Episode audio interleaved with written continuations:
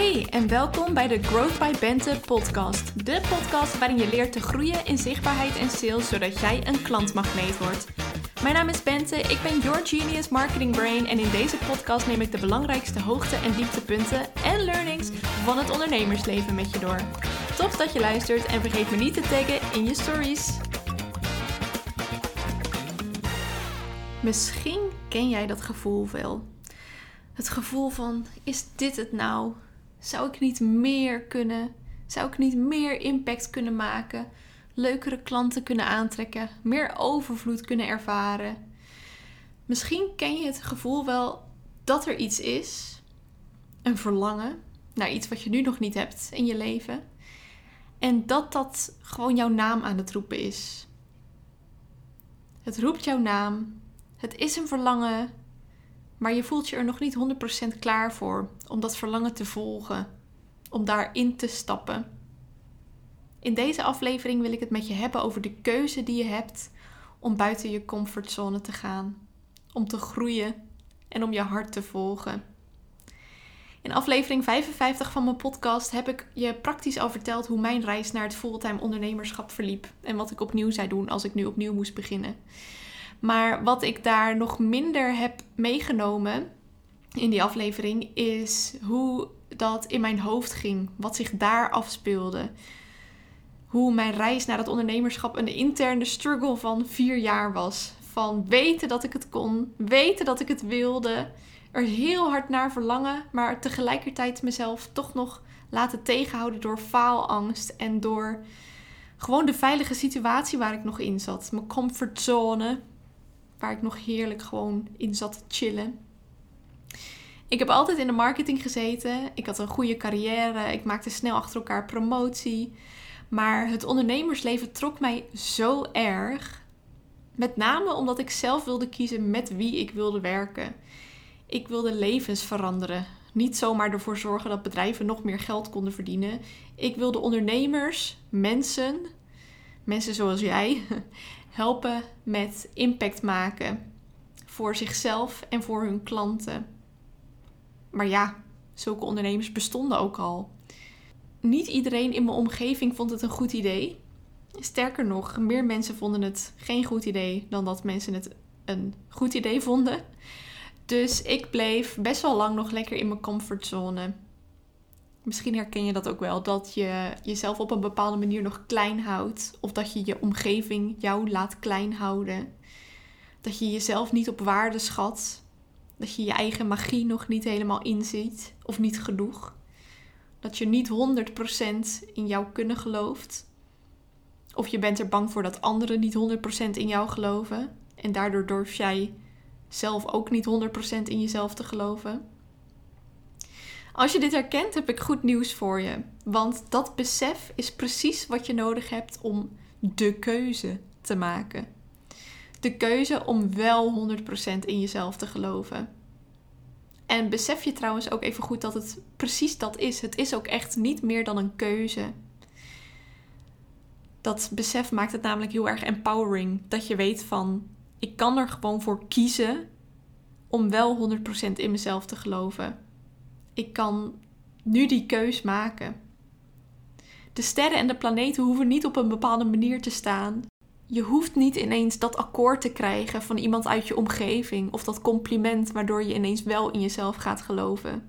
Het is jouw eigen keus om 100% in jezelf te geloven en in je bedrijf te geloven. Daar heb je niemand anders voor nodig. 100% in jezelf geloven is dus een keuze.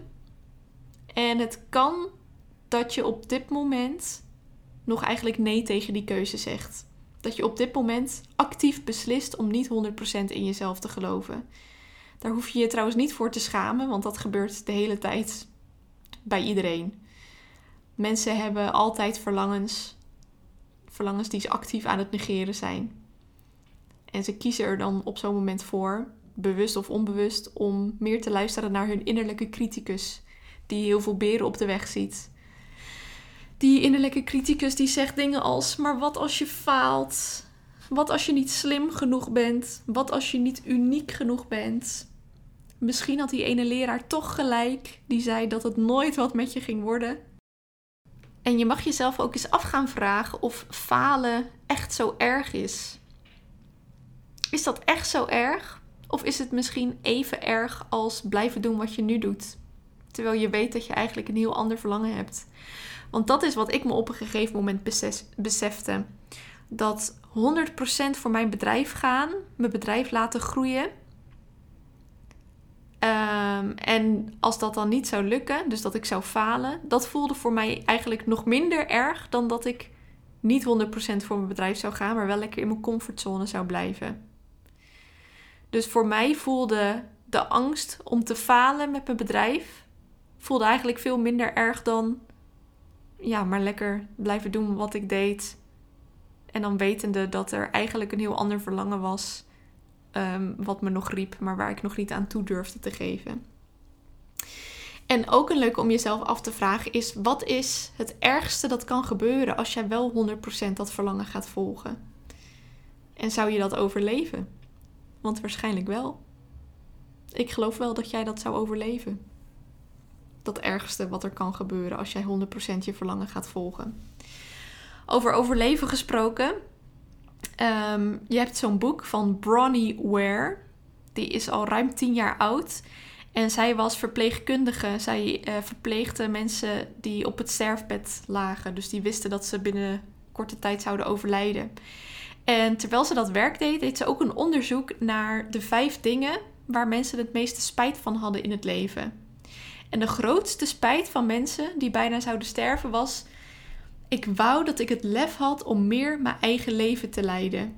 Ik wou dat ik me minder zorgen zou maken over wat anderen van me zouden verwachten. Ik geloof ook heel erg dat als jij een verlangen hebt, een geweldig business idee waar je maar aan, maar aan blijft denken, dat dat meant to be is. Als het maar in je hoofd blijft zitten, dan is dat jouw inner voice je intuïtie die jou vertelt: joe, je moet hier iets mee. Dit is meant to be. En jij kunt de keus maken om daarmee aan de slag te gaan. Misschien ben je dit aan het luisteren en denk je: ja, je hebt helemaal gelijk, maar ik voel me er eigenlijk toch nog niet klaar voor. En komen er allemaal onzekere gedachten binnen en twijfels. En die onzekere gedachten en twijfels die kunnen dan ook heel negatief voelen. Die kunnen spannend voelen eng, niet fijn. Maar wat nou als je die negatieve gevoelens gaat zien als groeipijnen? Dus dat, die angst om te falen, die gedachte als wat als ik niet slim genoeg ben. Wat nou als je die gaat zien als groeipijnen? Als pijnen die erbij horen. Ze zijn een teken dat je uit je comfortzone aan het gaan bent. En dat is dus eigenlijk een goed ding. Wat nou als je dat op die manier weet om te draaien? Want die angst die je nu misschien voelt, die gaat namelijk niet weg. Misschien wel voor periodes, maar bij elke spannende stap in je leven komen die gevoelens terug. Dus wat nou als je die gevoelens gaat zien als groeipijnen? Als pijnen die erbij horen, maar waar je mee om kunt gaan. Pijnen die je kunt overleven dan lukt het je misschien ook beter om die angst te omarmen. Feel the fear and do it anyway, kan je mantra dan zijn. Herken het gevoel als een teken van groei. Omarm dat gevoel en vertrouw op het proces. Vertrouw bij alles wat erbij komt kijken. En stel jezelf dan de vraag: wat zou je doen als je wist dat je zou winnen? Bedankt voor het luisteren.